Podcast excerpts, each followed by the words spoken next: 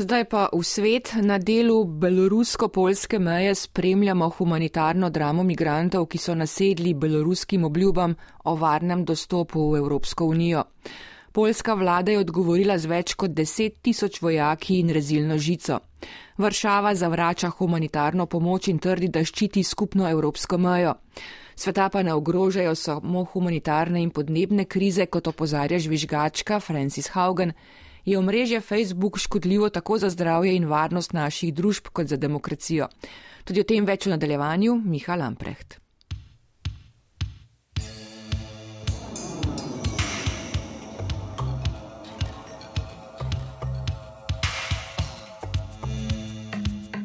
Labirinti sveta.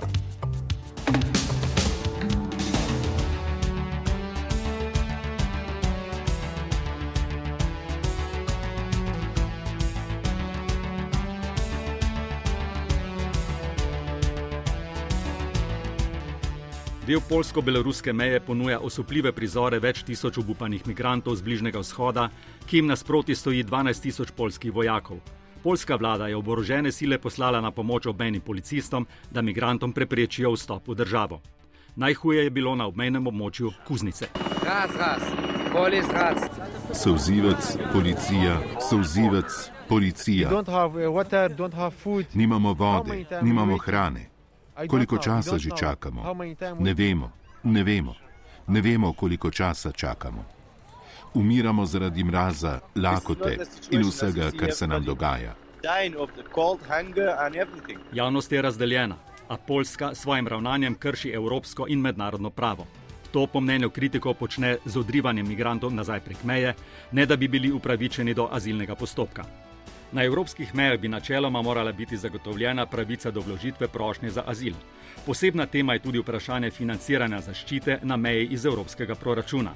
Predsednica Evropske komisije von der Leinova je proti financiranju žične ograje in zidov na mejah, medtem ko je predsednik Evropskega sveta Charles Michel dejal, da so polske in baltiške meje meje Evropske unije in med drugim spomnil na rek: eden za vse, vsi za enega kar pa ne pomeni, da bo Evropska unija storila kaj več od že uvedenih sankcij na Lukašenkov režim. Polski premijer Mateusz Morawiecki. To bi pomišljal še mesec, dva mesece temu, tri mesece temu, že bomo se meriti z. Še pred dvema, tremi meseci si ne bi mogli zamisliti, da bomo imeli opravka z živimi ščiti. Lukašenkov režim namreč izkorišča civilne migrante kot obliko moderne hibridne vojne. Kar vidimo tukaj je nova metoda. Ste pomemben branik, ki nas lahko obvaruje pred temi novimi metodami. Niste samo profesionalci, pač pa pri svojem delu spoštujete tudi človeško dostojanstvo na obeh stranih meje. Ale także z pełnym poszanowaniem godności człowieka po jednej i po drugiej stronie granicy. Morevecki je na izredni seji parlamenta dejal, da niti napada na polsko mejo s ciljem destabilizacije Evropske unije drži v rokah kar ruski predsednik Putin, ki je po njegovem idejni vodja tega peklenskega načrta. Tiskovni predstavnik Kremlja Dmitrij Peskov je zavrnil očitke in dejal, da so trditve polskega premijeja popolnoma neodgovorne in nesprejemljive. Odhajajoča nemška kanclerka Angela Merkel je v telefonskem pogovoru nagovorila Putina naj pritisne na belorusko vlado in na njeno nehumano in nespremljivo instrumentalizacijo migrantov. Kremelj je za krizo obtožil Evropsko unijo, da namreč ne zmore sama uresničiti lastnih humanitarnih vrednot in da hoče Belorusijo izkoristiti kot izgovor za zaprtje dela skupne meje. Na nedopustno zaostrovanje je opozoril tudi glasnik ameriškega zunanega ministrstva Ned Price. We are concerned with disturbing uh, images and reports uh, emanating from the Belarus-Poland border this weekend. Zaskrbljeni smo na tem, kar vidimo v poročanju z polsko-beloruske meje. ZDA ostro obsojajo Lukašenkov režim, ki politično izkorišča stisko ranljivih oseb in jih nehumano in nezakonito spušča preko meje. Zato pozivamo režim, da ne mudoma preneha z orkestrirano kampanjo usmirjanja migrantov v Evropo. Hkrati stojimo ob strani polski in evropskim partnerjem, ki jih ogrožajo nesprejemljiva beloruska dejanja. United States will continue to stand by Poland and all of our partners in Europe who have been threatened by Belarus's unacceptable actions. Podporo Polske je zagotovil tudi slovenski premijer Janša. Poljska brani našo skupno evropsko mejo, je sporočil. Ob tem je zagotovil pripravljenost Slovenije, da ponudi pomoč. Večina migrantov je v belorusko glavno mesto Minsk prispela z letalskimi prevozniki iz Carigrada, Antalije, Bejruta in Bagdada. Lukašenkov režim igra podlo igro in migrante izkorišča kot protiukrep uvedenim evropskim sankcijam, Poljska pa se v stiski očitno požvižga na humanitarno pravo. Beloruski šef diplomacije Makej je iskal podporo pri ruskem kolegu Lavrovu, ki je dejal, da je migransko krizo spodbudila Evropska unija sama in države, ki mejijo na Belorusijo. Belorusko obramno ministrstvo pa je Polski učitalo namerno stopnjevanje napetosti. Belorusko nebo so medtem že preletavala ruska vojaška letala. Korak naprej je na zborovanju v podporo Polski naredila beloruska opozicijska voditeljica v izgnanstvu Svetlana Tihanovska. We shouldn't look at migration crisis separately from political crisis in Belarus. Na migransko krizo moramo gledati v kontekstu beloruske politične krize. Migranska kriza je simptom bolezni, ki je v jedru Lukašenkovega režima. Ne moremo namreč ločeno presojati kršenja človekovih pravic v Belorusiji in izkoriščanja migranske krize. Nekako lahko rešimo migransko krizo, to da brez spremembe režima pa celotnega problema problema ne bomo rešili.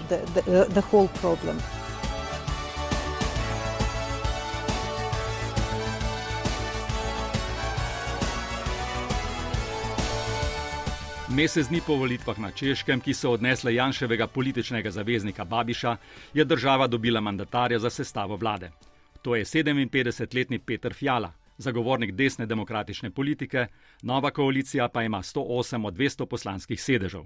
Predsedniki pestrega političnega spektra petih strank so tako v ponedeljek podpisali koalicijsko pogodbo. Peter Fjala. Smo si vedomi toho, že je potrebno postupovati rihle. Podpisali smo koalicijski dogovor, da bi Češko potegnili iz krize, v kateri se je znašla. To je zdravstvene, gospodarske in krize vrednot. Zdravotní, krizi ekonomickou a krizi hodnotovou. Fjala je bil leta 2002 prvi češki profesor politologije po pacu socializma in tudi rektor Masarikove univerze v Brnu. Marketa Pekarova, stranka Top nič devet. My se skratka uvedomujeme. Jasno nam je, da nismo prišli vladati, pač pa služiti državi in narodu. Koalicijska pogodba s predvoljivnim zavezništvom med piratsko stranko in gibanjem neodvisnih županov naj bi zagotovila stabilno vlado. Vitra Košan, koalicija županov in neodvisnih. Poptávka po vzdělané společnosti, po společnosti, která... Zahtevamo izobraženo družbo, ki spoštuje prozahodne standarde. Družbo, za katero je varovanje okolja ključnega pomena. Osnutek sklepnega dokumenta 14-dnevne podnebne konference v škotskem Glasgowu države poziva naj do prihodnega leta ponovno preučijo in okrepijo zadane cilje glede zmanjševanja emisij za omejitev segrevanja ozračja na pol drugo stopinjo Celzija. Boris Johnson, britanski premijer, je moral urgirati. Vprašanje, ki ga v zadnjih urah konference nastavljam so voditeljem po svetu, je, ali nam boste pomagali. Nam boste pomagali zgrabiti priložnost, ki se nam ponuja, ali pa boste to preprečili. Konferenca je kljub razočaranju najbolj odločnih podnebnih aktivistov nekako obsojena na vsaj delni uspeh. 200 delegatov z vsega planeta se zaveda odgovornosti, strokovnjaki pa opozarjajo na pomankanje jasne zaveze o podnebnem financiranju, zlasti na področju prilagajanja podnebnim spremembam in kompenziranja tistih, ki so zaradi tega že prizadeti. Škoda zaradi vremenskih dogodkov, povezanih s podnebnim segrevanjem, bi lahko do leta 2030 dosegla okrog 400 milijard dolarjev letno. Strokovnjaki ocenjujejo, da bi 65 najbolj ranljivih držav zaradi podnebnih sprememb do leta 2050 utrpelo izgube v višini petine njihovega letnega bruto domačega proizvoda.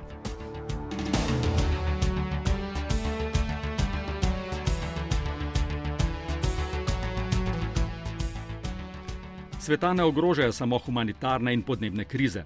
Kot opozarja žvižgačka Francis Haugen, je omrežje Facebook škodljivo za zdravje in varnost naših družb in demokracij.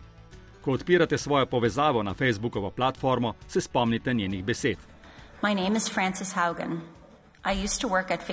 Sem Francis Haugen. Zaposlena sem bila na Facebooku in tej družbi sem se pridružila, ker sem verjela, da lahko iz nas naredi najboljše. Toda pred vami stojim, ker sem spoznala, da Facebook škoduje otrokom, spodbuja delitve, slabi našo demokracijo in še marsikaj. Na zaslišanju v Evropskem parlamentu je govorila o negativnih posledicah praks največjega družbenega omrežja. Udeležila se je javnega zaslišanja v odboru Evropskega parlamenta za notranji trg in varstvo potrošnikov, kjer je kritizirala negativne posledice poslovnega modela in praks, ki jih izvaja Facebook za potrošnike in družbo. The Facebook platform today damages the health and safety of our communities. Facebookove platforme danes škodijo zdravju in varnosti naših družb in ogrožajo integriteto naših demokracij. Soočanje s temi izzivi ne bo enostavno, toda demokracije morajo storiti, kar so vsele storile, ko so komercialni interesi v nasprotju z interesi ljudi in družbe kot celote. Demokracije morajo reagirati in pripraviti novo zakonodajo. Hvaležna sem, da Evropska unija te zadeve jemlje resno. Digitalna zakonodaja, ki jo pripravljate v Evropskem parlamentu, ima potencial globalnega zlatega standarda. V začetku leta je zapustila Facebook in pri tem seboj odnesla več deset tisoč dokumentov, ki jih je predala časopisu Wall Street Journal. Pristojni komisiji za vrednostne papire in borzo je tudi podala anonimno prijavo z obtožbo, da se vodstvo podjetja zaveda, da Facebook širi dezinformacije, sovraštvo in politične nemire. Podjetje očita, da pozna načine, kako narediti Facebook in Instagram varnejša, vendar ne uvede potrebnih sprememb, ker postavlja svoje neizmerne dobičke pred interese ljudi. Cinično bi lahko sklenili, da bi George Orwell ki je svojo distopično klasiko z naslovom 1984 pisal na samotnem škotskem otoku Džur, bil več kot zadovoljen.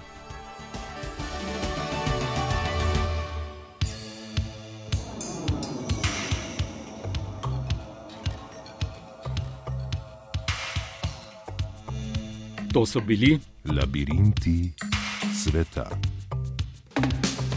Oddajo zunanje političnega uredništva lahko najdete tudi na spletu prvega radijskega programa.